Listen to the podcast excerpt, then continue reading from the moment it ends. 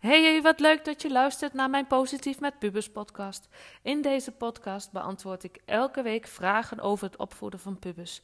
Wanneer je het even niet meer weet, vraag het mij dan. Ik denk heel graag met je mee. Ik krijg er zelfs energie van. Geef je concrete suggesties die je direct kan toepassen in jouw situatie. Ik inspireer jou met inzichten die impact zullen hebben op jou en de relatie met je puber. Want dat is mijn missie.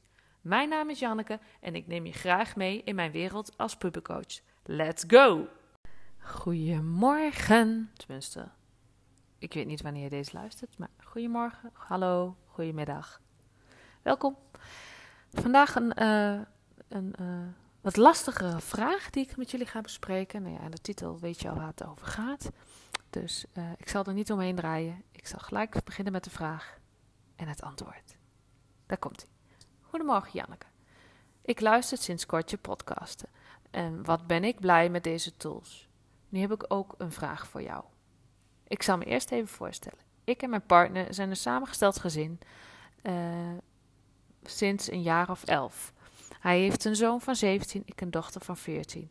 De bonuszoon woont bij zijn moeder en komt heel af en toe bij ons wanneer hij zin heeft, daarin geen verplichtingen. Nu wil zijn moeder hem niet meer in huis hebben. Niks ergs gebeurt, maar ze wil graag haar eigen leven.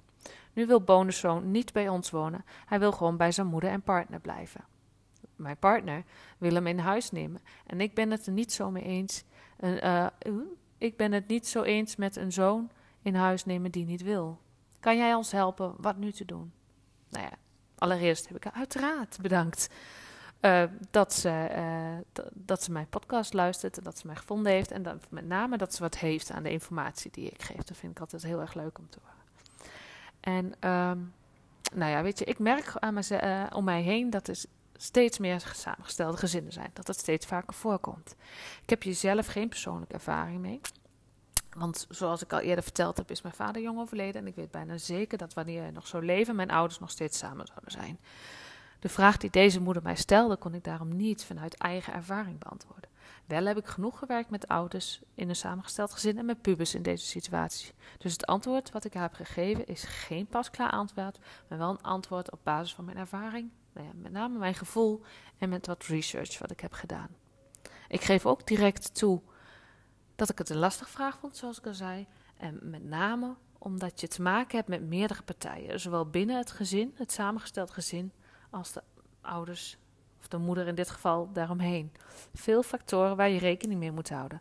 Daarnaast beschik ik ook maar over een heel klein stukje informatie, waarbij ik bijvoorbeeld niet weet waarom deze biologische moeder haar zoon niet meer in huis wil. En ze schrijft wel dat er niks ergs is gebeurd, maar wat dan wel en wat dan de reden is.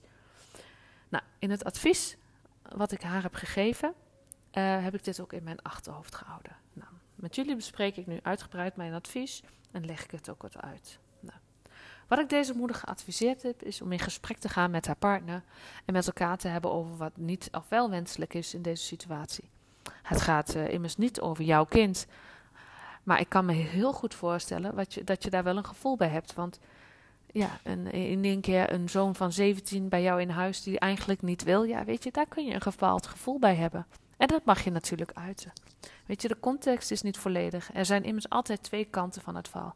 Daarom lijkt het mij ook goed dat vader, jouw partner en moeder met elkaar in gesprek gaan over de zoon en over waarom deze moeder uh, nu, zoals wat in het vraag staat, uh, hem niet meer in huis wil en dat er niks ergs is gebeurd, maar dat ze uh, weer graag haar eigen leven wil.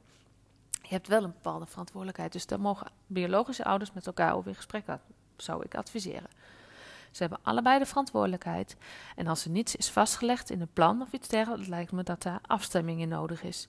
Dat is ook wat ouders mogen bespreken. En daar zal de, de vraagsteller, dus deze moeder, geen rol in hebben. Tenminste, dat zou ik niet ongevraagd doen.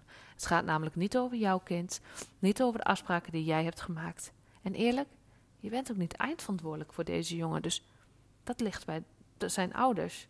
Dus ik zou me daar niet in mengen. Natuurlijk kun jij je gevoel uit, maar doe dat dan in gesprek met je partner alleen, zodat hij jouw gevoel daarin kan meenemen. Maar uiteindelijk zijn beslissen beide ouders natuurlijk. En heb jij tot op zekere hoogte geen uh, uh, verantwoordelijkheid in. Natuurlijk wel jouw mening en jouw gevoel die meewegen, want het is ook jouw huis natuurlijk.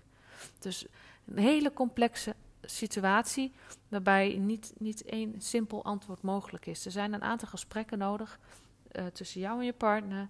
Misschien ook een gesprek met zoonliefde en jouw partner en ouders en zoonlief. Dus meerdere gesprekken zijn nodig om duidelijk te krijgen: oké, maar hoe gaan wij nu met ons uh, met deze situatie verder? Waar gaat zoon wonen? Wat, uh, waar wil hij wonen? En waarom wil moeder niet meer in huis hebben? Maar dat die antwoorden krijgen ligt niet, is niet jouw verantwoordelijk. Dat is de verantwoordelijkheid van vader. Het is lastig, merk ik. Ook als ik het zo probeer uit te leggen, merk ik dat ik het heel erg lastig vind. Dus ik kan me ook heel goed voorstellen. Ik zit natuurlijk niet in de situatie, maar ik kan me voorstellen dat dit voor deze moeder ook uh, heftig is en lastig is. Want ja, je wil het goede doen, je wil enerzijds wil je graag helpen, maar anderzijds heb je ook nog je eigen gevoel en je eigen, het gezin waar je in woont. Dus ja, dat dilemma, ik kan me hem heel goed voorstellen. Dus nou ja, deze moeder gaf aan uh, dat ze heel blij was met het advies. En dat ze ermee aan de gang ging. Dus ik hoop dat ik nog een terugkoppeling krijg, zodat ik hem misschien ook nog met jullie kan terugkoppelen. Ik denk dat het een hele korte is vandaag. Want dit was mijn advies dat ik heb gegeven. Mocht je nu zelf denken, nou Janneke, oh, dit is nog een hele goeie in deze kaas, want ik merk dat ik hem echt lastig vind. Uh, laat me dat dan alsjeblieft weten, want daar kan ik wat mee. En wanneer je zelf weer wat kan met deze inzichten, en wanneer je wat kan met de informatie, laat me dat ook weten. Vind ik ook altijd leuk, hebben. Uh, leuk om te horen. Mocht je zelf een keer een vraag hebben, stel hem mij dan gerust, want zonder jullie vragen kan ik geen podcast maken. En dat vind ik toch wel heel erg leuk om te doen. Volg je me nog niet op Insta? Zoek me dan even op en volg me dan. Vind ik leuk. Kunnen we het gesprek met elkaar aangaan? Kan ik jou elke dag weer verblijden met nieuwe inspiratie over het opvoeden en omgaan met je puber. En uh, kan jij straks, heel binnenkort, mijn boek als eerste in de pre-order kopen. Dan weet je zeker dat je hem voor de feestdagen hebt en voor een hele leuke prijs. Houd mijn Insta en deze podcast goed in de gaten. Dan ben je als eerste in de gelegenheid om de boek te kopen.